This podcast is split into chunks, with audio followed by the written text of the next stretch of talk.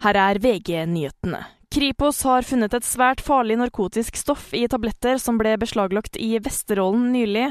Tablettene inneholdt virkestoffet metonitasen, som knyttes til flere dødsfall på landsbasis.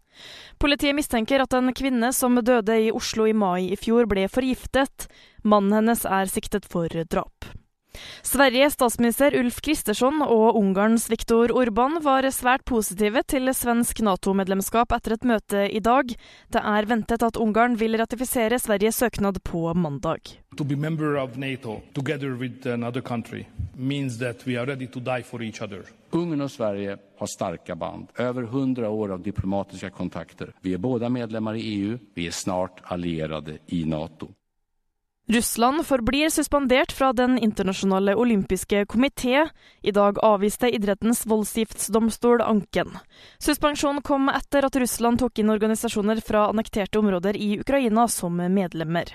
I studio Miriam Alsvik, nyhetene får du alltid på VG.